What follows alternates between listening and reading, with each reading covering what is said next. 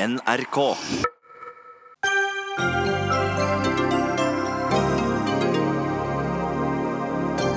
Hagen i Nobelkomiteen handler ikke bare om Hagen i Nobelkomiteen. Bare hør her. Hvis Senterpartiet får Carl I. Hagen inn i Nobelkomiteen siden Anne Enger kan takke Høyre for at hun kom inn der, kan da Høyre gi en plass til KrF i Nobelkomiteen siden Olemic Thommessen fikk fortsette som stortingspresident mot at Abid Raja ble visepresident? Eller kanskje Høyre ofrer Per Christian Foss og gjør en av KrF-erne Høybråten, Hjemdal eller Syversen til riksrevisor? Eller kan kanskje alt løses ved at FrPs Anders Anundsen tar plassen til Foss? Vi vil du skal ta vare på det du har, sier Ikea og ber deg stramme de gamle møblene i stedet for å kjøpe nytt på Black Friday. Men i morgen er det fullt kjør med tilbud på telus og syntetisk saueskinn til klokka 23, og snart er det søndagsåpent i advent.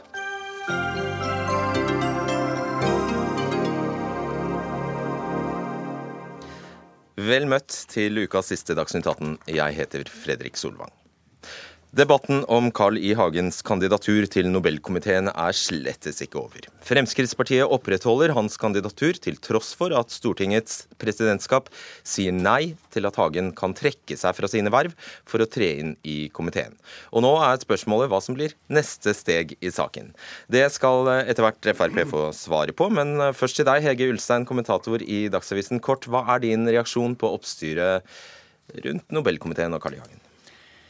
Det er vel først og fremst eh, et eksempel på at eh, det kan gå skikkelig gærent når man ikke klarer å rydde opp og lage ordentlige spilleregler for hvordan dette skal skje. Og eh, at Frp har klart å få et rom her hvor, hvor det blir veldig mye bråk og rabalder som, som, ingen egentlig hadde klart å se for seg. Og hvor dette ender nå, det, det, vet vi jo ikke. Men hvis jeg skal tippe, så tror jeg faktisk det ender med at Carl I. Hagen eh, blir medlem av Nobelkomiteen. Ålreit. Harald Stanghelle, redaktør i Aftenposten. Eh, er det et sirkus? Nobelkomiteen har eksistert i 117 år. Vi har aldri sett noe tilsvarende oppstyr gjerne kall sirkus, rundt valget til Nobelkomiteen.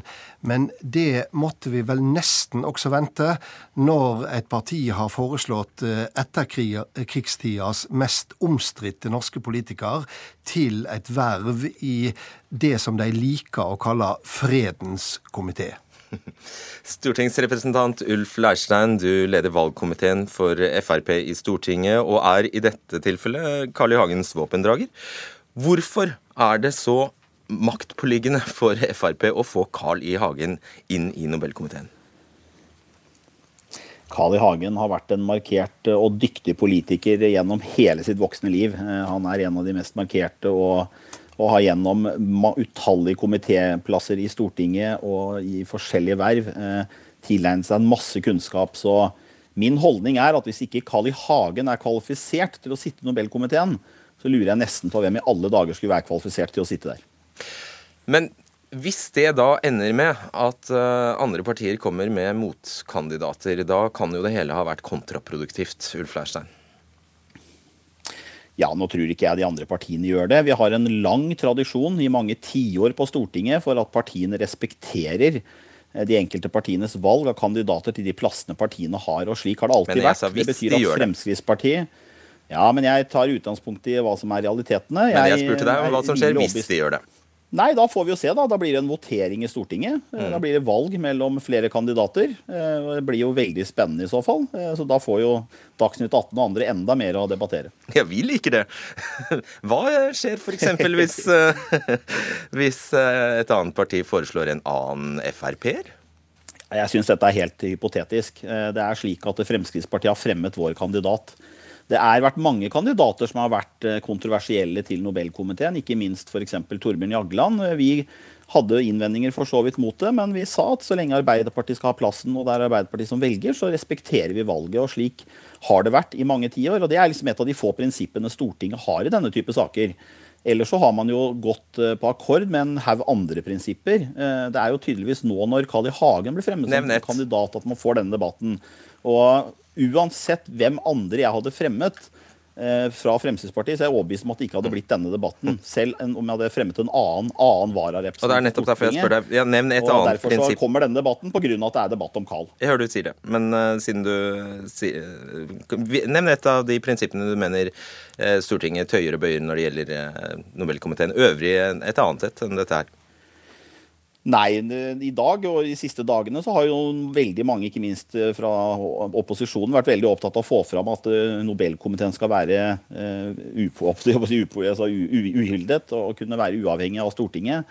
Men det er altså ikke veldig mange år siden man valgte altså stortingspresidenten til å lede Nobelkomiteen mens han satt som stortingspresident. Ja, unnskyld, da hadde Arbeiderpartiet ikke noe problem med det. Lærstein, det er det samme prinsippet.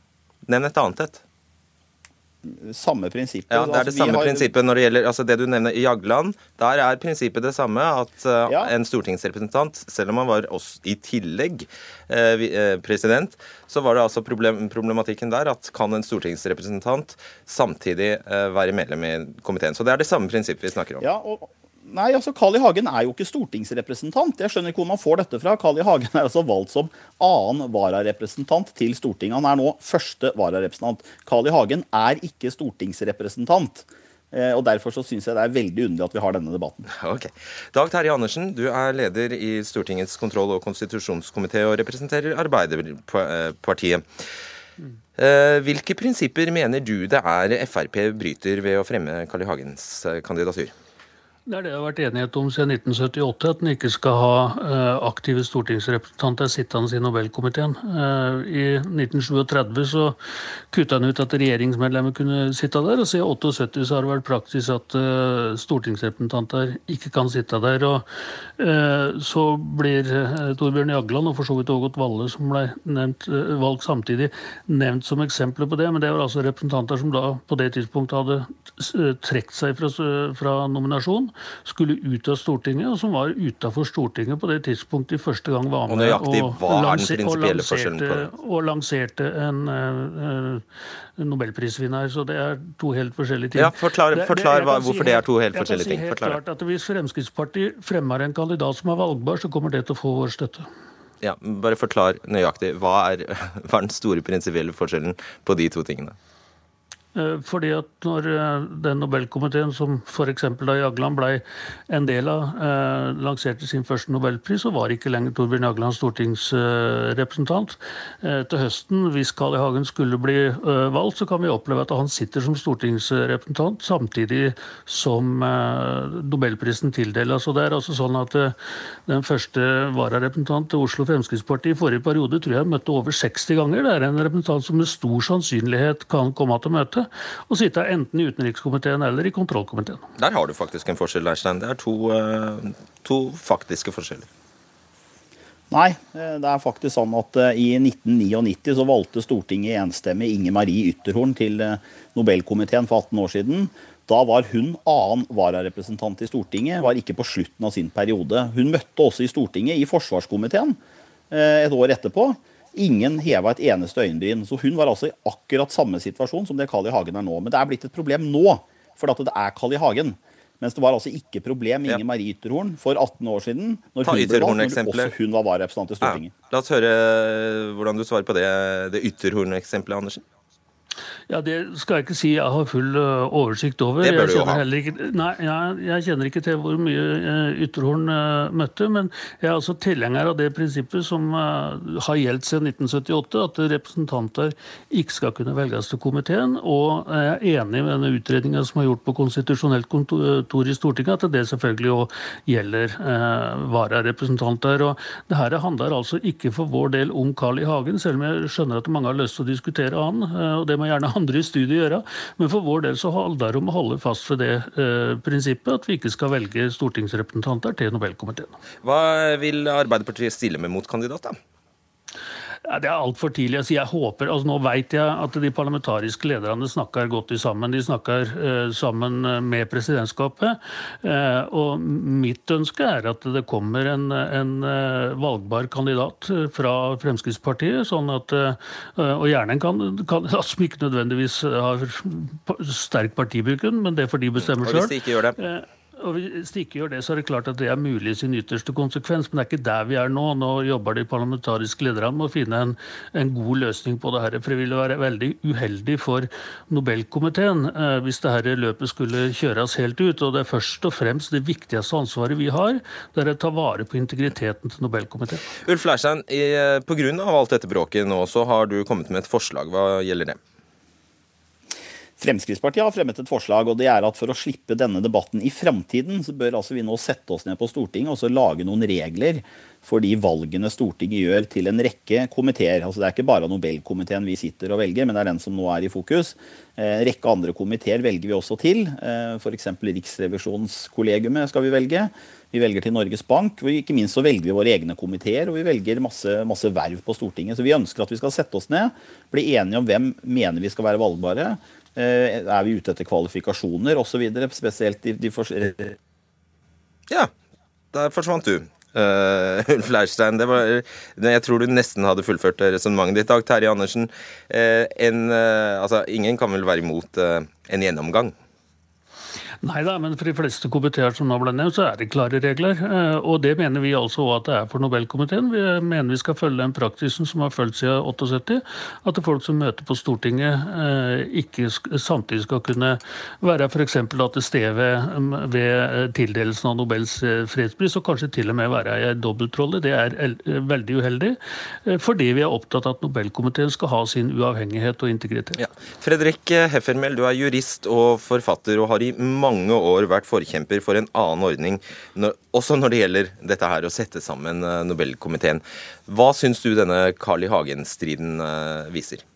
Ikke noe annet kunne vist klarere hvor utrolig lite denne fredsprisen i dag har med Nobels eh, store idé om en bedre verden å gjøre. Han hadde ikke ønsket å se en sånn eh, hjemlig partikrangel. Den, den, dette skyldes hele det som vi har nå. Reglene som man tror er hellige, de er et resultat av at Arbeiderpartiet hadde absolutt flertall i 1948, og da gikk inn for at uh, man skulle velge komiteen ut fra styrkeforholdet i Stortinget. Og så lenge det avspeiler styrkeforholdet i norsk politikk, så blir det helt umulig å påstå å få noen utenfor Norges grenser til å tro på at dette ikke er en pris som er norsk politikk. Eh, men, Men det er helt andre medlemmer som skal inn i denne komiteen. Ja, ja, bare ta det. Altså, hvilke medlemmer mener du eh, burde befolket komiteen? Eh, eh, vi fremhever at man kan ikke løse en oppgave uten å sette seg inn i hva oppgaven går ut på. Det vet en hvilken som helst skoleelev som skal skrive en stil. Og man har aldri undersøkt hva Nobel ville med denne prisen. Det er jeg den første som har gjort i en bok som jeg utga i 2008. Eh, og han hadde en helt annen ordning av verden. Altså, hva, han ville avvikle kortversjonen. Hva, hva står, står det noe om dette i testamentet, f.eks.? Eh, om valgordningen står det ingenting. Det står veldig lite i testamentet, men det gjelder for alt som har med testamentet å gjøre, enten det nå her gjelder valg til komiteen, eller det gjelder det enkelte valg av vinner i det enkelte år. Det må basere seg på en forståelse av hva Nobel ville med prisen. Og så må man tilpasse den ideen han hadde i 1895 til dagens eh, ordning. Og det er den alternativet han ville ha, det er Stortinget behøver bare å titte ut av sine egne vinduer, så vil de se resultatet av den sikkerhetspolitikken som Nobel ønsket å avskaffe. Okay. Er det en komité du vil ha, eller hvordan, vil, hvordan, skal dette gjøres hvis ikke Stortinget skal utnevne medlemmer etter styrkeforholdet i, uh, i Stortinget? Altså, For det første er eh, styrkeforholdet i Stortinget er et absolutt irrelevant uh, kriterium for valget. Jeg tror at frem til 1948 så var det et utvalg innen Stortingets valgkomité som foretok den spesielle innstillingen til Nobelkomiteen ut fra en vurdering av hvem som var mest kyndig i internasjonal politikk. Men det skulle ikke bare være det. altså det Selv den gangen så tenkte man ikke på hvem som var mest kyndig i fredspolitikk og nedrustning, men det er det som er hovedkriteriet. Så du ønsker deg tilbake til, til noe sånt nå? Hva? Du ønsker deg tilbake til noe sånt nå? Jeg ønsker, jeg mener det er en forpliktelse. Og vi har faktisk nå i år skrevet et brev til Stortinget som er støttet av 19 professorer ved de juridiske fakulteter, som sier at man må utrede hva Nobel ville med prisen, og så oppnevner man komiteen som best er egnet til å vise dette. Og vi, jeg må avbryte der, eh, deg der, FML. Jeg tror vi, eh, vi, har skjønt det. Takk skal du ha. Takk. Takk. Eh, det er slik at Hagen i Nobelkomiteen altså ikke bare handler om Hagen i Nobelkomiteen. Vi har et system der Stortinget, som flere har vært innom her, utnevner en rekke verv. Vi kan nevne i fleng fylkesmann, revisor, unnskyld, riksrevisor, etatsledere med, med mer. Eh, nå skal jeg bare dra en mulig eh, sammenheng. Hvis Senterpartiet får Carl I. Hagen inn i Nobelkomiteen, siden Anne Enger kan takke Høyre for at hun kom seg inn der, kan da Høyre kanskje gi en plass til KrF i Nobelkomiteen, siden Olemic Thommessen fikk fortsette som stortingspresident mot at Abid Raja ble visepresident? Eller kanskje Høyre ofrer Per Kristian Foss og gjør en av KrF-erne Høybråten, Hjemdal eller Syversen til riksrevisor? Eller kanskje det hele løses ved at eh, FrPs Anders Anundsen tar plassen til Foss? Hege Ulstein, eh, kommentator i Dagsavisen nok en gang. Er det sånn det foregår? Det, er, det, er, det, virkelig sånn? Det er ikke så veldig langt unna virkeligheten, det du, eh, det du skisserer nå. Det er en liten tvist på det. Men eh, etter hva jeg har hørt, i hvert fall, så var det altså det oppsto et problem fordi Høyre Eh, fikk ikke vararepresentanten da Kasi Kulman Five gikk bort. Da gikk den til Arbeiderpartiet, og da sitter Høyre med bare én representant i komiteen, Henrik Syse.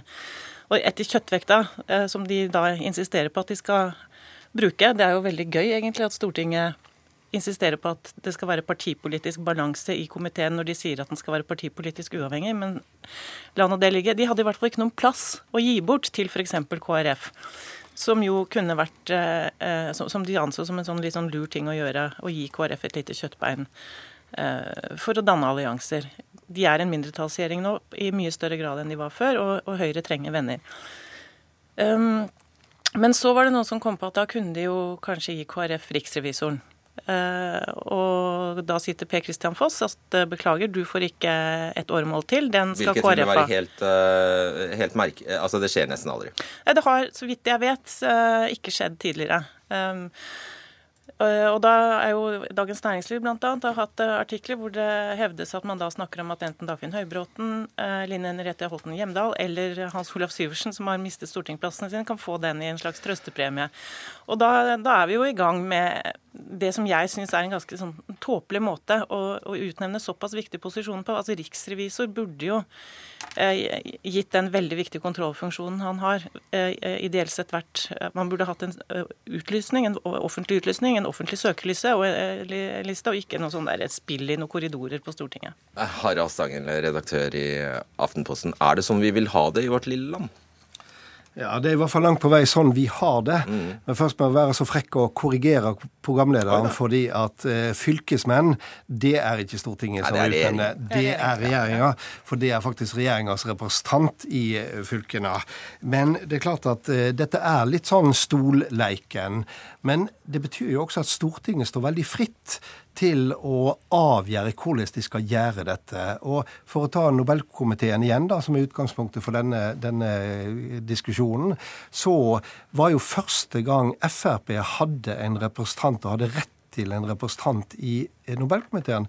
Da fant de ingen innenfor eget parti, så de valgte Kåre Kristiansen, den tidligere KrF-lederen, som FrPs eh, medlem av komiteen. Han gikk riktignok ut i protest eh, ganske snart. Kanskje det er det vi vil se en reprise på hvis Carl I. Hagen blir valgt. Eh, er det riktig å tolke deg dit hen at du mener dette, denne storleken er av et gode? Ja, det er nesten riktig. Jeg vil, ikke, jeg vil ikke drive på og framstille dette som noe idealsituasjon, men jeg tror jo på det politiske systemet. Og det er klart at du kan godt lage ekspertkomiteer, du kan godt eh, leike en form for nøytralitet, men jeg tror at det er en illusjon. Jeg tror at eh, det politiske Norge eh, er i stand til å håndtere dette, men det betyr også at jeg ser at det politiske Norge gjør feil, gjør dramatisk dramatiske feil. Men over tid så er det sånn. Og det må da faktisk være å foretrekke, Ulstein, at vi vet at uh, sjøfartsdirektøren kommer fra Arbeiderpartiet, at vi vet at kringkastingssjefen er, uh, gjør det samme, at vi vet for så vidt at oljedirektøren ja, for... gjør det samme, osv. Den forrige kom jo fra Jonny ja, det skal vi det. Jonny Bananer kom fra Høyre, så der er, jo, der har det, der er det skifta. Men poenget er vel at det er åpenhet om at de har en Det er ingen dultemotiver her. Altså, man trenger jo ikke å bli utnevnt av Stortinget for at folk skal vite hvilken partibakgrunn man har. Den nylig avgåtte SSB-direktøren var f.eks. ikke utnevnt av Stortinget, men alle visste at hun kom fra Høyre. Sånn at, at, det plutselig blir hemmelig fordi man ikke utnevnes av Stortinget, det, den er jeg ikke med på. Men, men det, som er, det, som denne situasjonen viser, er jo at man går rundt og later som man har en rekke prinsipper som man ikke har. Og jeg, I likhet med Harald Stanghelle, jeg, jeg er glad i politikk og jeg tror på folkestyret, men, men når du ser en så eh, ivrig misbruk av prinsipper som argument, som i den saken her, så mister du jo litt eh, troen på systemet, det må jeg si. og det vi hørte Leirstein i sted sier at alle bryter prinsippene sine fordi det er Carl I. Hagen, men det gjør jo Frp også. Frp var jo også sterk motstander av Torbjørn Jagland fordi han eh, hadde den bakgrunnen og den tilknytningen til Stortinget han hadde. Og hvis de virkelig hadde ment alvor med det alle det sier er et, kjempe, et kjempeviktig prinsipp, og som ble veldig viktig etter at etter at Liu Xiaobo fikk fredsprisen og Kina ble så fryktelig sinte på oss, nemlig at, eh, at det skal være ingen bånd mellom politikken og komiteen, så burde de jo eh, videreført mye hardere den linja de begynte på med å utnevne Berit Reiss-Andersen og Henrik Syse, og slutte å gi det som en sånn, sånn trøstepremie til avgåtte politikere. Og nå har de f.eks. gitt det til nei-dronning Anne, Anne, Enger og vara, et varaverv til, til Kristin Clemet. Altså, det er jo ikke veldig tydelig for utlandet dette her, at Neida. det går en skarp strekk. Nei da, dette er et virvar. Eh, og for det første så må vi, hvis vi ser på nobelhistorien, så ser vi at dette har vært eh, fullstendig virvar hele tida. Den første nobelprisen i 1901 ble delt ut i stortingssalen. Ja, ja, ja, men da, da, er det, da, er det, et poeng. Arbeiderpartiet bruker jo nå det som et hovedargument at ja, det var sånn, men nå har vi ryddet Vi vil ikke ha det sånn lenger. Og da er jo disse to ferske eksemplene Hva de? Hva viser de? Ja, De viser i hvert fall at de holder fast ved det at ikke folk som har tilknytning til Stortinget, blir valgt. Men samtidig signaliserer både Høyre og Arbeiderpartiet, nei, unnskyld, Senterpartiet, at de har valgt eh, folk innenfor partiet som står sterkt, er sterke, eh, kvalifisert til å sitte der, men samtidig identifisert med det norske politiske systemet. Og det vil utlandet forstå, at der, der, er det et skarpt skille? Jeg tror at utlandet kanskje vil forstå noe av det, men det utlandet ikke forstår, det er hvis nasjonalforsamlinga har sine egne folk både i nasjonalforsamling og i komiteen. Og så var det mange år der dette ikke var noe problem, men det er blitt et problem. Og spørsmålet er hva gjør vi da i framtida? Og er det et uh, dytt forover å velge Carl I. Hagen? Det er det store spørsmålet. Og ditt svar på det er? Nei. Jeg mener at man kan løse dette veldig enkelt ved å stille Eli Hagen som uh, opposisjonens kandidat. Og så, og så, er vi ferdige med denne situasjonen. Ok, og bare helt. Ditt stalltips er Hagen inn eller ut? Altså, med mindre de stiller en motkandidat, så trenger han bare én stemme for å bli valgt. Så det morsomme hadde jo vært hvis han da møter som vara og stemmer på seg selv, eh, og ingen andre gjør det, og han vinner bare med sin egen stemme. Det må jo være målet. Hagen inn eller ut, Stanghelle? Han eh, tror jeg kommer inn, eh, fordi nå er dette blitt intern politikk i Fremskrittspartiet. Og jo større og sterkere presset mot Hagens kandidatur er, jo sterkere står han innad i partiet. Det er noe med det. Takk skal dere ha. Alle sammen. Ulf Leirstein, Dag Terje Andersen, Hege Ulstein, Harald Stanghelle og Fredrik Heffermel. Dagsnytt 18 alle hverdager klokka 18.00 på NRK P2 og NRK2.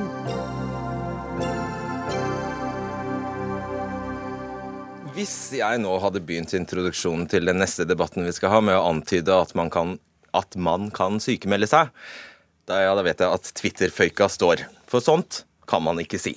Men det er nettopp sånn det er. Vi leger attesterer pasientens egen sykehistorie. Denne prosessen føles ofte meningsløs. Takk og pris for at uh, det ikke er jeg, men du som sier dette, Ole Henrik Krat uh, Bjørkholt, fastlege i uh, Drammen. Hva er da konklusjonen din når det gjelder sykemeldinger? Nei, altså slik det norske systemet fungerer, der det er obligatorisk legemeldt sykefravær utover, hvis det er fravær utover tre dager, eh, synes jeg er en, en relativt unødvendig øvelse. Eh, det har jeg ment lenge. Eh, opprinnelig så var tanken at det kan i noen tilfeller stå i veien for en god dialog mellom arbeidstaker og arbeidsgiver. At man bruker legen som en sånn buffer til å unngå samtale. Ehm, men nå er det i tillegg kommet til at det momentet med fastlegeordningen er eh, svært presset eh, pga. Samhandlingsreformen og andre reformer som har overført oppgaver til fastlegene. Så, så, nå begynner jo vi fastleger også å tenke litt over hvilke arbeidsoppgaver vi eh, eventuelt kunne slutte å utføre. Og da kommer dette med sykemeldinger opp igjen. Ja, skal bare minne om regelverket. Man har altså enten tre sykemeldingsdager fire dager i året hos vanlige bedrifter, eller åtte dager av gangen eh, fire dager i året med, i, hos IA-bedrifter. Så ditt forslag går rett og slett ut på å fjerne sykemeldingsretten eh, for fastlegene, Bjørkholt? Ja, Ikke retten. Eh, jeg tenker vel fortsatt at vi har en veldig viktig rådgivende rolle. Pasientene kommer jo forhåpentligvis eh, til oss fordi de er syke og ønsker å få hjelp til å bli friske. Og det er det vi er dyktige til, det er det vi har eh, utdannelse i. Eh, og Vi vil jo absolutt kunne gi gode råd i forhold til om man bør holde seg hjemme eller være på arbeidsplassen. Men i mange tilfeller så føles det meningsløst å skulle attestere det. Det er litt sånn paternalistisk rolle der vi skal liksom eh, opptre en foreldrerolle overfor voksne mennesker og si at du skal holde deg hjemme eller du skal være på jobb. Og det, tolker, du, da, da, ender det ofte med at du bare blir en sandpåstrø, eller at du bare må gjøre som pasienten ønsker? Ja, altså, eh, Ingen situasjoner er like, men i mange tilfeller, hvis det er eh, banale infeksjonssykdommer, influensa og omgangssyke, så er det opplagt at folk ikke kan gå på jobb, og det er relativt meningsløst å få en lege til å attestere det. Eh, I andre tilfeller så er det ting som er vanskelig å verifisere for legen, f.eks. jeg har vondt i ryggen eller jeg har sånn og sånn.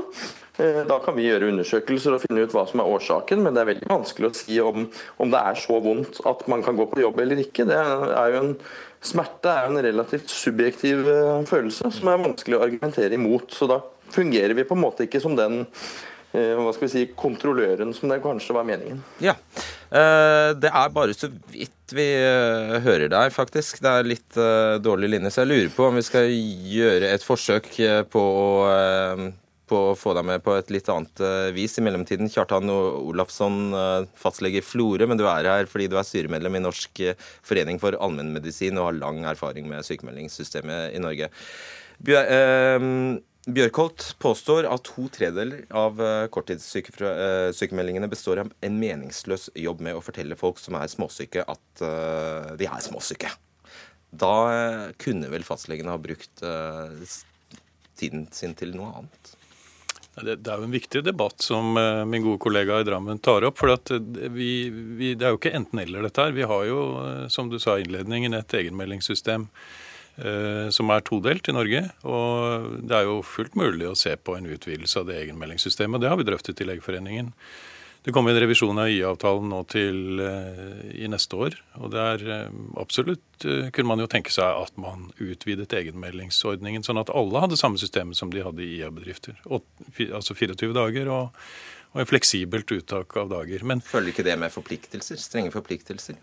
Jo, det, det, er jo klart at da når, når, man utvider egenmeldingen, så øker jo det forpliktelsene til en, en, god oppfølging og en god og tett dialog på arbeidsplassen. Og så er det jo da slik at det er ikke alle mennesker som som er i en, en, situasjon hvor de ønsker å dele alt med arbeidsgiver. Eh, og det kan bli vanskelig. Det er jo sånn at vi, vi, eh, vi, er inne i dette fordi folk er syke. Og når folk er syke, så er de jo ofte smertepåvirket, og de er deprimerte og nedfor. Og, og, og, det er på en måte begrunningen for at vi er med og tar litt vare på folk da, og prøver å finne hensiktsmessige løsninger. Og Det kan jo være både å, å si at kanskje det er lurt å gå på jobb i en delvis sykemelding. F.eks.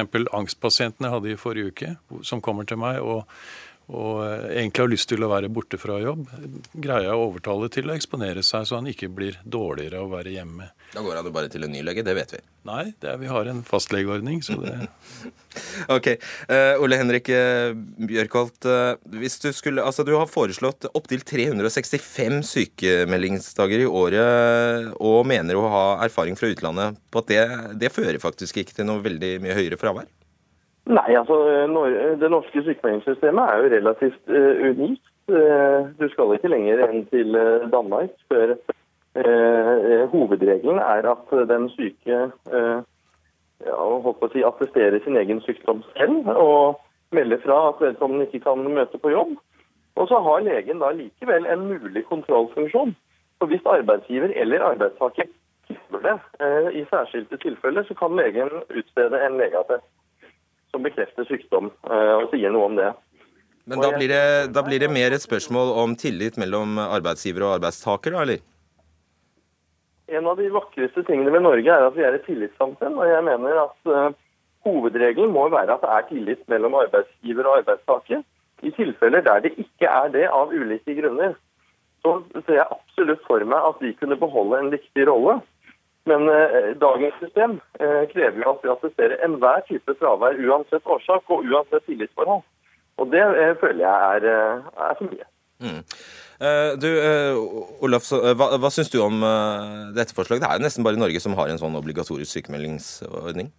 Altså, forrige gang jeg var i NRK for å drøfte sykemelding, så var det jo ut fra det motsatte synspunktet. At da skulle legene være strengere. Og man kunne tenke seg kanskje at det var egne trygdeleger eller spesialleger. Så, så vi, vi, pendler fra det ene ytterpunktet til det andre.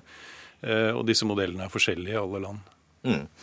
Ok, vi eh, setter strek der. Det er en pågående diskusjon dette her, i hvert fall. Eh, takk skal dere ha, Ole Henrik Bratt Bjørkholt og Kjartan Olafsson.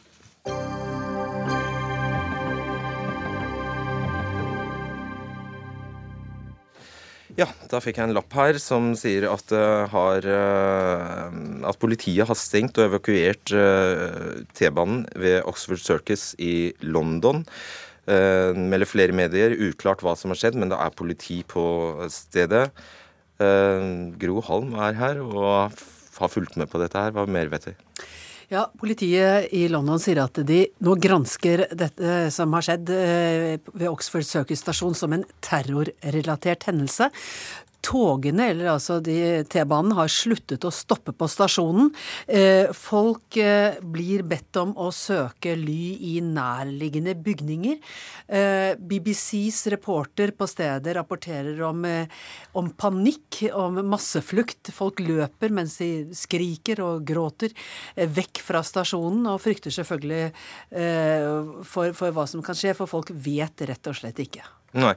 Eh, noen meldinger går altså ut på at det skal være avfyrt skudd ja, det har også kommet meldinger om det. Det er ikke bekreftet, eh, men det, det er helt riktig. Og det har kommet bl.a. på sosiale medier eh, uten at det er, eh, er, bekreftet. Og politiet vil altså ikke si nå hva det er de tror skal ha skjedd. De, en formulering gitt ut på at dette skal være en kunderelatert hendelse, men det er jo veldig vagt. og, og, ikke noe som skulle tilsi at togene ikke skulle stoppe der lenger. Og, og, og som sagt, de har også sagt i en annen uttalelse at dette, de etterforsker noe som kan være terrorrelatert relatert. Ok, vi får bare følge med. Det gjør du, det gjør vi andre. Takk skal du ha, Gro Holm.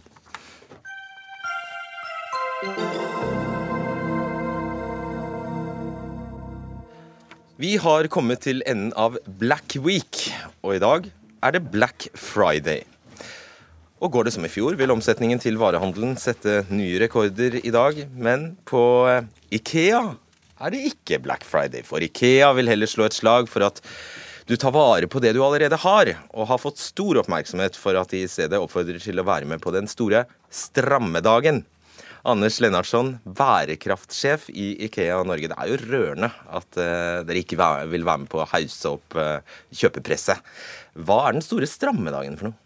Ja, eh, vi synes at eh, Black Friday har gått litt ut av hengslene, og syntes at det her var et bra tilfelle å minne våre kunder om at ta vare på det de allerede har. At eh, gjennom enkle grep eh, få gjøre at produktene lever litt lengre. Ja, men, det er vakkert. Ja, men for, for, egentlig så er det her et ganske lite tiltak for IKEA. Vi jobber egentlig med bærekraft hver eneste dag. Eh, så at eh, man skal sette det også i et større sammenheng. Du skal få rikelig anledning til å komme nærmere inn på det, skal jeg si deg. Men eh, dere har vel eh, dere har vært med på Black Friday tidligere, vel? Ja, det har vi. I alle fall de to seneste åren eh, har vi vært med. Og, eh, men som sagt, vi syntes at nei, det er dags å gjøre noe annet nå. Det, det, har blitt litt for mye. Et annet markedsføringsgrep i år? Ja, fast vi vil ikke si at det er et markedsføringsgrep. Nei, jeg vet du ikke vil si det, men nei. jeg tar det. Ja, men nei, eh, som sagt, eh, det her er bare ett tiltak av veldig mange vi jobber med. Mm. Og det er oppriktig ment. Dere vil dempe kjøpepresset i Norge? Ja, det vil vi. Vi, vil, vi ser at vi har bare én planet, og eh, vi må forholde oss til dess begrensninger. Yes. Anja Bakken Riise, leder i Framtiden i våre hender, skrev et leserinnlegg i Klassekampen der du applauderer Ikea og roser strammedagen. Og på Facebook har du skrevet 'Heldigvis vokser det fram folkelig motsvar' til kjøpepress og Black Friday. altså. Ikea arrangerer den store strammedagen hvor de strammer opp møblene dine. Hvorfor fortjener Ikea ros? Mm. Altså, Vi eh, mener at eh, strammedagen er et bitte lite skritt i riktig retning, og det heier vi gjerne på. For oss i Framtiden våre hender så handler det her om at eh, vi har et forbruksmønster som ikke er bærekraftig. Hvis alle skulle ha forbrukt som oss nordmenn, så hadde vi trengt to jordkloder. Og bak alle disse varene som vi kjøper på supersalget i dag og mange andre dager i året, så skjuler det seg ofte arbeidere med dårlige arbeidsforhold og som ikke får ei lønn å leve av. Og det kan vi gjøre noe med, men da trenger vi kjeder som Ikea og som varehandelen med for nettopp å endre det. Som gjør noe annet på én av 365 dager i året? Nei, vi trenger dem til å gjøre noe annet alle dagene i året. Men, eh, ja, men de at, gjør bare noe annet én dag av 365 dager. At strammedagen er ett lite steg i riktig retning, det mener vi. og vi vil gjerne heie på Ikea og andre som vil fremme reparasjon, deling og leie som en motvekt til eh, dette store salgsfokuset på dager som i dag. Ja. Line Lise Øen Mælen, du er leder i Rød Ungdom. Det er vel faktisk prisverdig at uh, Norges største varehuskjeder, en av Norges i hvert fall største varehuskjeder, hopper over Black Friday-hysteriet og oppfordrer til å ta vare på møblene. Er det mulig å være mot det? Jeg syns jo først og fremst kanskje dette fra Ikea virker litt hult. Uh, de første 100 som kommer i Ikea sine varehus, får i dag en T-skjorte der, der, det kan stå at du ikke var på med på Black Friday, men heller var på strammeoppdagen. Og da får man jo kundene til varehusene, og rett under banneret på nettsiden der det står at vi ikke deltar på Black Friday, så kan du også lese overskriften 'Nye lavere priser på flere favoritter'. Så det, det er ikke liksom virkelig sånn for meg at dette lyder veldig genuint. da. Jeg tror mer du tror dette, ikke på dem? Nei, jeg tror ikke helt på at dette først og fremst er noe som er litt genuint. Dette er et markedsføringstiltak. Og så vil jeg jo også bare si at hvis, altså, når man da snakker om etterstramming, som er Ikeas tiltak, så er jo en del av møblene til Ikea i så dårlig kvalitet at hvis du etterstrammer de for mye, så er jeg litt redd for at de kommer til å knekke. Uh, så jeg, jeg vet ikke. I en bedrift som Ikea, som har et uttalt mål om å doble omsetningen sin innen år 2020, så er det jo først og fremst vekst som er det viktige. Og her har jo også tidligere leder i Framtiden i våre hender uttalt at det er mye bra eh, å snakke om de store utfordringene, men når det kommer til overforbruk av våre ressurser, så er Ikea knapt kommet inn i startboksen. Så det er jo på en måte mye å ta tak i, da. Ja. Anders Lennarsson igjen. Dere har altså eh, hver eneste ukedag oppe fra 10 til 23. Dere stenger altså omtrent når vi andre går og legger oss. I adventstiden har du tenkt å holde åpent uh, hver søndag. Det står jo bare ikke til troende da at du vil ha oss til å shoppe mindre.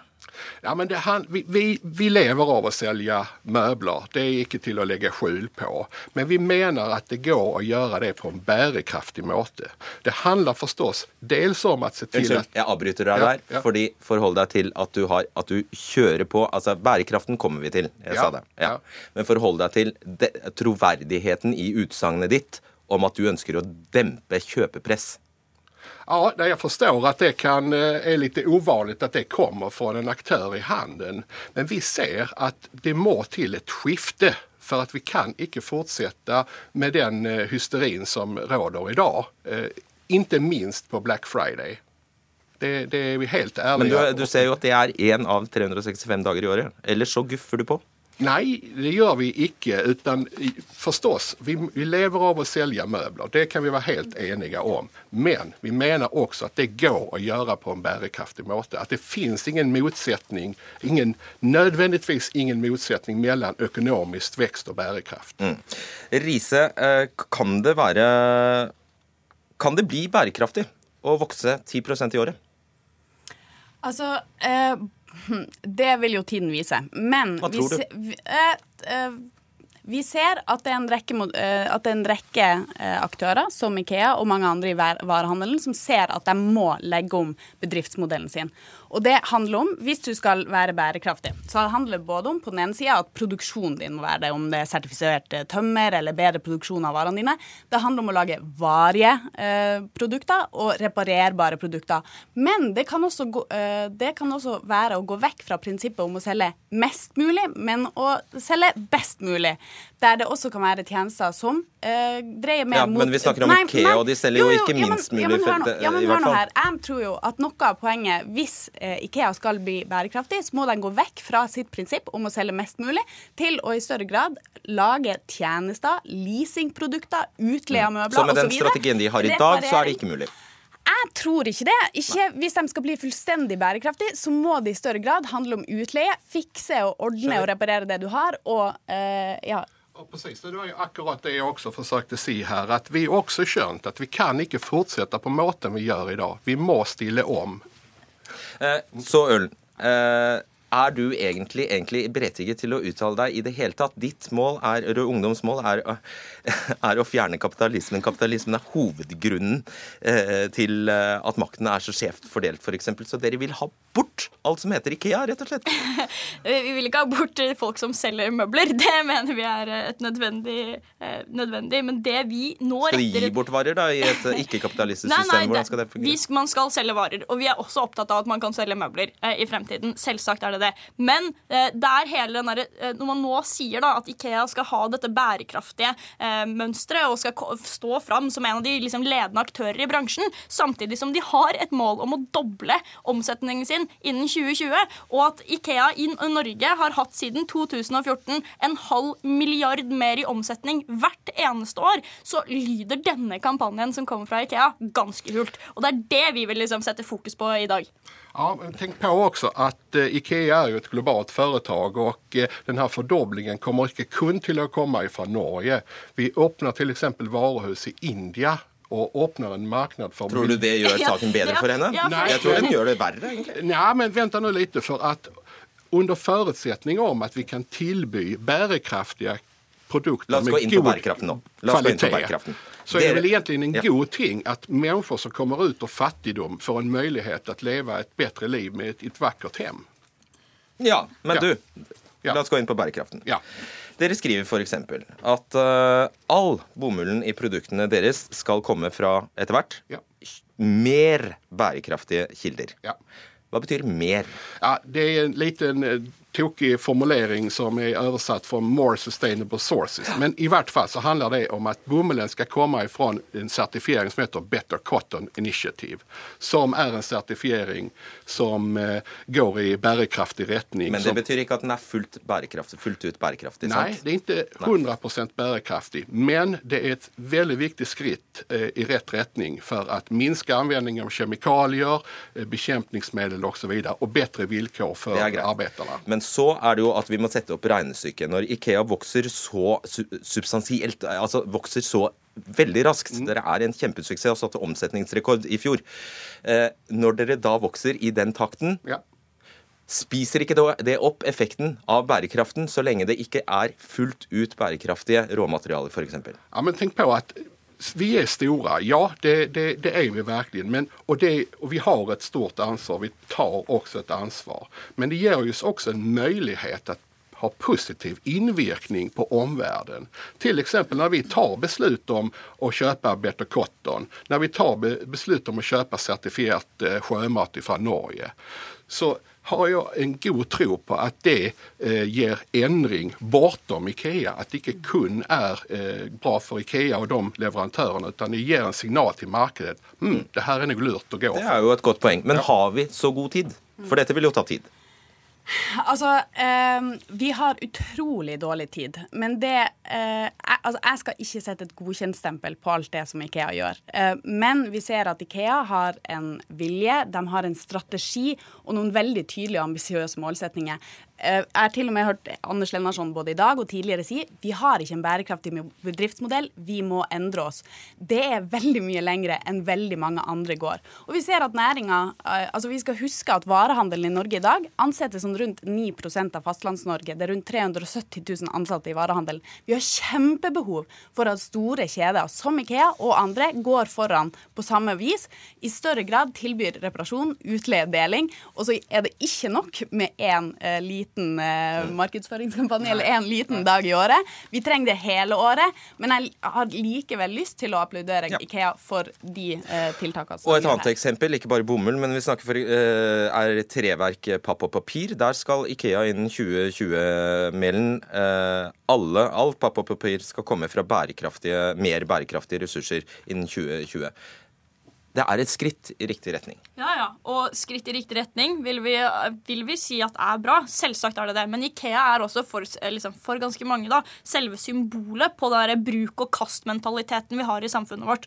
Og jeg tror ikke at selv alle disse gode liksom, skrittene i en riktig retning vil gjøre nok for helheten når hele forretningsmodellen til Ikea er at man skal kjøpe mest mulig, billigst mulig, og det skal man pushe ut nå. Og nå har jo også bærekraftsjefen i Ikea sagt eh, i hele verden da, sagt at nå har man nådd toppen i Vesten. fordi nå vil ikke vi kjøpe mer. Og da er liksom målet å spre det mest mulig i andre land. Og hvis vi skal snakke om bærekraft, da for eksempel, så har man jo snakket om eh, hvor man da setter varehusene sine til IKEA. Det har man snakket om i utlandet, og ikke minst også i Norge, der man setter det på eh, matjord. Altså, Det er jo noen problemer her da, som må problematiseres. Selvsagt er det bra at man tar tak, men Vi vikler oss ikke helt inn i matjorddebatten, eh, tror jeg. Men eh, Lennart, svar på dette her. Eh, jo, men självklart. Eh, jag förstår eh, hur du tänker, men samtidigt så att eh, det är möjligt att kombinera växt och bärekraft genom att kontinuerligt, konsistent jobba med förbättringar i valet Det er en påstand og en overbevisning, men det er vel vanskelig å belegge den? Ja, altså Når man tittar på de målene og de målene vi har levt opp til enn så lenge, så tycker jeg man ser at vi mener allvar. Vi er ikke perfekte, det er ingen som påstår det. Vi, har, vi, har, vi er på en reise som akkurat har begynt, men vi har eh, viljen, vi har strategiene, vi har målen å ta oss i den retningen som vi trenger. Da eh, kniper jeg dere eh, der, for vi skal over til deg, Preben Karlsen. Du er daglig leder i kommunikasjonsbyrået Trigger X. Før 2010 hadde knapt en nordmann hørt om Black Friday, som egentlig da kommer fra USA og er dagen etter thanksgiving. Mm. Eh, det er flere teorier om hvorfor det heter Black Friday, men vi lar det ligge. Dere du introduserte Black Friday til Norge. Gratulerer med det. takk, takk, takk. Hvordan gikk det til? Du, eh, det var et eh, prosjekt vi gjorde eh, sammen med Norwegian Outlet, som ønsket å ta dette til Norge. Vi fikk i oppdrag å hjelpe de med å sette det på agendaen. Tok i bruk en ganske enkel PR-strategi, der vi gikk inn og så på hva er de sterkeste salgssymbolene i klesbransjen, og hvordan kan vi på en måte blåse liv i det. Og det er nakne egne utstillingsdukker, eh, som vi da rett og slett eh, satte ut i form av menneskelige modeller på Karl Johan i Oslo. Ja, Det husker vi eh, noen av oss. Ja, det ble mm. ganske mye debatt rundt det, og det var hele hensikten. Og det endte med salgssuksess for Norwegian Outlet og tre knekte neser i køen, eller noe sånt. Så det, de var fornøyd, og vi var fornøyd da. Jeg er ikke like stolt av det i dag. Er du ikke? Nei. Og det er rett og slett ikke fordi jeg nødvendigvis har blitt så mye snillere med årene, men jeg tror jeg har blitt klokere. Fordi jeg forstår hvordan man skal drive bærekraftig virksomhet virksomhet over tid. Eh, og hvis du ser på hva Black Friday gjør for noe, eh, sånn forretningsmessig, så er det én av ganske mange aktiviteter som undergraver verdi i bransjer. Eh, det dreper margin fordi du senker prisene bare for å selge mest mulig én dag. Men på lang sikt så er ikke det bærekraftig for veldig mange bransjer. Og du tenkte bærekraft i form av profitt, ja, ikke blant annet. Men, men, la meg snakke ferdig. Ja. Fordi det er den andre dimensjonen. Det bygger en veldig usunn forbrukskultur som ikke er bra for noen. Verken for mennesker eller for kloden. Og den dimensjonen der tror jeg man må levere på fremover, som selskap. En slags ang angrende synder, altså. Men eh, jeg ser det er en som sitter og ja, rister på hodet ved siden av deg. Anja Bakken Riise, fremdeles i Framtiden i våre hender. Mm. Ja, altså, jeg syns jo at det er positivt at du er en eh, hva vi skal si, ja, angrende synder. Eh, men jeg tenker at et reklamebyrå eh, som Trigger, da, altså dere er utrolig gode på å påvirke og å skape et behov. Og det vi ser med det altså Dere førte Black Friday til Norge. Dere kunne, dere kan bruke kompetansen og kreativiteten og alt det til å få til endring, en positiv endring. De kan jo ikke fjerne Black Friday når det først er her, vel? Vet du hva? Altså, jeg, jeg, tror at mange begynner å bli litt metta på det. Vi ser allerede at det vokser fram motsvar eh, altså, over hele landet. DNT Ung som arrangerer bytte, ja, eh, byttemarkeder. Jo da, ikke sant? Altså, eh, det er lite å stille opp med på en kjøpsfest som omsetter for 3,4 milliarder eh, på én dag. Men jeg tror at folk blir lei av det, og jeg tror det er håp for at eh, Black Friday kan forsvinne like fort som den kom. Har du noen midler? Du... Ja, i aller høyeste grad. Det handler om å gjøre ting på en måte, annen måte. Ikke sant? Det har vi gjort i de siste tre-fire årene internt. Vi har sluttet ganske, ganske enkelt å jobbe med push-kommunikasjon på den måten. Eh, så dette handler jo ikke om at, eh, at, jeg er stolt av det jeg gjorde da, at det var dumt å gjøre det og at jeg har blitt snill om. det er fordi man må drive business annerledes for å klare å drive Du syns altså ikke det var dumt å gjøre det jo, jeg, da? Jeg, jeg, ser jo Ikke da. Eh, da var men jeg nå syns du at det er dumt at dere har ført Black Friday ja, til Norge? det, det er fordi jeg ser både hva det har ført til, sant? Uh, og, men også men, fordi jeg har forstått ja. hvordan man skal drive virksomhet. For et Kort spørsmål til deg til slutt. Er ikke tannkremen ute av tuben? Du får den ikke inn igjen. Nei, vi får jo aldri den inn igjen. Nei, i Norge. Eh, Black Friday. Nei, nei, vi har sluttet å jobbe med Black Friday-aktiviteter. Ja, men vi som samfunn, det du har skapt her ja, i den grad jeg har skapt det, skal sies. Men, men det, det, som er det jeg tror eh, Dette fenomenet lever, sant. Men jeg tror det kommer til å bli mye mindre av det. fordi hvis du ser i bransje etter bransje som driver prispushing på den måten, så er det nesten ingen aktører igjen. Det er et par veldig veldig store i sportsbransjen, elektronikkbransjen og andre som alle sliter med å tjene penger fordi de eneste de konkurrerer på, er pris. Og det er ikke bærekraftig fremover. Du må levere på klima, du må levere på menneskeoverskuddet og samfunnsrollen. Nå sitter Ikea og nikker, nikker her. Okay, det trenger samfunnet å åpne opp for. fordi den der idiotiske debatten om at rødt kort, dere skal tjene penger, eh, det går ikke an å kombinere med en positiv innstilling til, eh, til eh, det å drive virksomhet okay. og, og, utvikle samfunnet. Det syns jeg er ganske uh, utdatert og viktig å ta opp. For skal man skape Nå, endring, jeg, ja. så må man retenke det der. Takk skal dere ha, alle sammen. Anders Lennartson, Anja Bakken Riise, Linn Elin Ølen Elise, Øen Hellen og Preben Karlsen. Dagsnytt 18 på NRK P2. Regjeringen, KrF og Venstre ble i budsjettavtalen enige om å øke sukkeravgiften og brusavgiften på til sammen 2 milliarder kroner. Samtlige norske vann- og brusprodusenter har i dag besluttet å legge alt folkehelsesamarbeid med regjeringen på is, med mindre den foreslåtte avgiftsøkningen på sukker blir reversert. I fjor gikk eh, nemlig hele mat matvarebransjen inne i en avtale med Helse- og omsorgsdepartementet om å redusere sukker, salt og mettet fett i mat og drikke fram mot 2021. Petter Brubakk, administrerende direktør i NHO Mat og Drikke. Hvorfor trekker dere? Ja, Det er brus- og vannprodusentene som du sa, som oppfatter at den avgiftsøkningen som kom som eh, lyn fra klar himmel for et par dager siden, og som jo er et avgiftssjokk, den er på over 40% for disse bedriftene, eller for disse varene, de oppfatter det som et tillitsbrudd når vi faktisk har gått inn i et samarbeid med myndighetene om å levere gode resultater. Og denne næringen, eller denne bransjen, har levert veldig gode resultater, og så kommer dette som svar. Ja, så øh, Greit. Sveinung Stensland i helse- og omsorgskomiteen øh, for Høyre. Uh, hva sier du til dette? Jeg har stor forståelse for at uh, bransjen reagerer. Uh, dette er jo en kraftig avgiftsøkning, men dette kom inn fordi det var enkelte som var opptatt av å øke, øke avgiftene på spesielt usunne varer. Hva mener du med enkelte? Ja, Dette kom jo ut av en eh, forhandling mellom fire partier, og dette var en av inndekningene da i statsbudsjettet. Ja, det skjønner alle. Hvem er enkelte? Ja, det, Hvis du ser på de alternative budsjettene, så er det jo sånn at uh, når Kristelig Folkeparti Ikke gå rundt grøten. Hvem var det som gjorde dette? Nei, alle de fire partiene er enige om dette. Men Kristelig Folkeparti brukte nettopp smågodtkrigen som argument for at nå var tiden inne for å øke prisen på mm. sukkerholdige varer. Og det, det, var jo begrunnelsen for denne inndekningen der. Så ble partiene enige om dette. Og for at du i det hele tatt skal tilhøre et regjeringsparti, så måtte du altså skrive under på dette her, så du er her for å forsvare det, vel? Ja da, det, vi kan ikke gå vekk fra dette. Dette er en avtale som vi har gått inn på. og Sånn blir det. Ja, eh, greit. Petter Brubakk, bortsett fra at uh, dere uh, ja, uh, nokså dramatisk sender brev og skriver at dere ikke har til hensikt å samarbeide med regjeringen om folkehelse før avgiftssaken er løst, hva kan dere gjøre nå?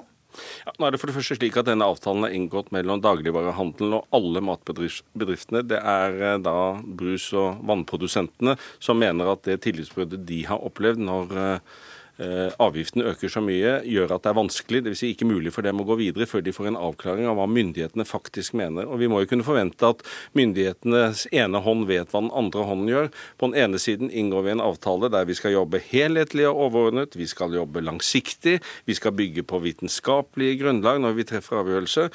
Og så får man altså en stykkevis og delt politikk, avgiftspolitikk etter innfallsmetoden, når man samtidig leverer de beste resultatene som er levert av noen på ja, mange, mange år. Får det noen konsekvenser?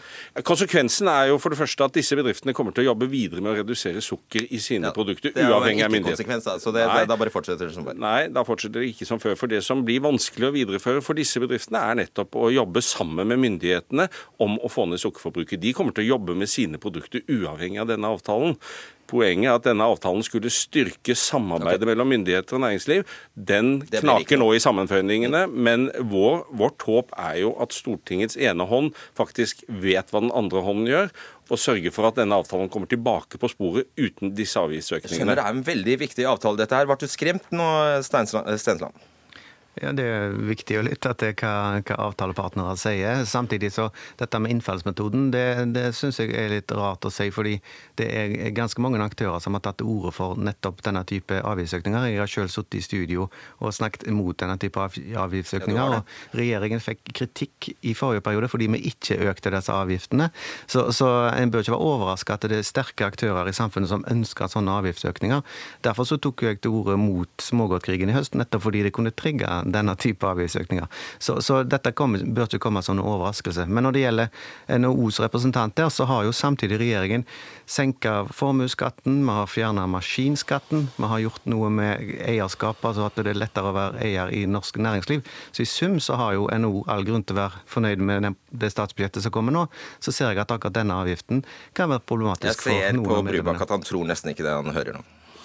Jeg syns jo det er veldig vanskelig å se at det å få lettelse på 400 millioner kroner i maskinskatt skal betales med 2 milliarder. Det er en veldig dårlig Dårlig deal? Eh, ja, rett og slett. Men, men, det viktige er jo at når jeg sier innfallsmetode, så fastholder jeg det fordi eh, regjeringen har lagt opp et arbeid hvor vi faktisk skulle jobbe sammen om dette. Det sa helseministeren senest i går. Regjeringens foretrukne alternativ er å jobbe sammen med næringen om å få til gode resultater. Vi har alle vært stolte av det vi får til i Norge.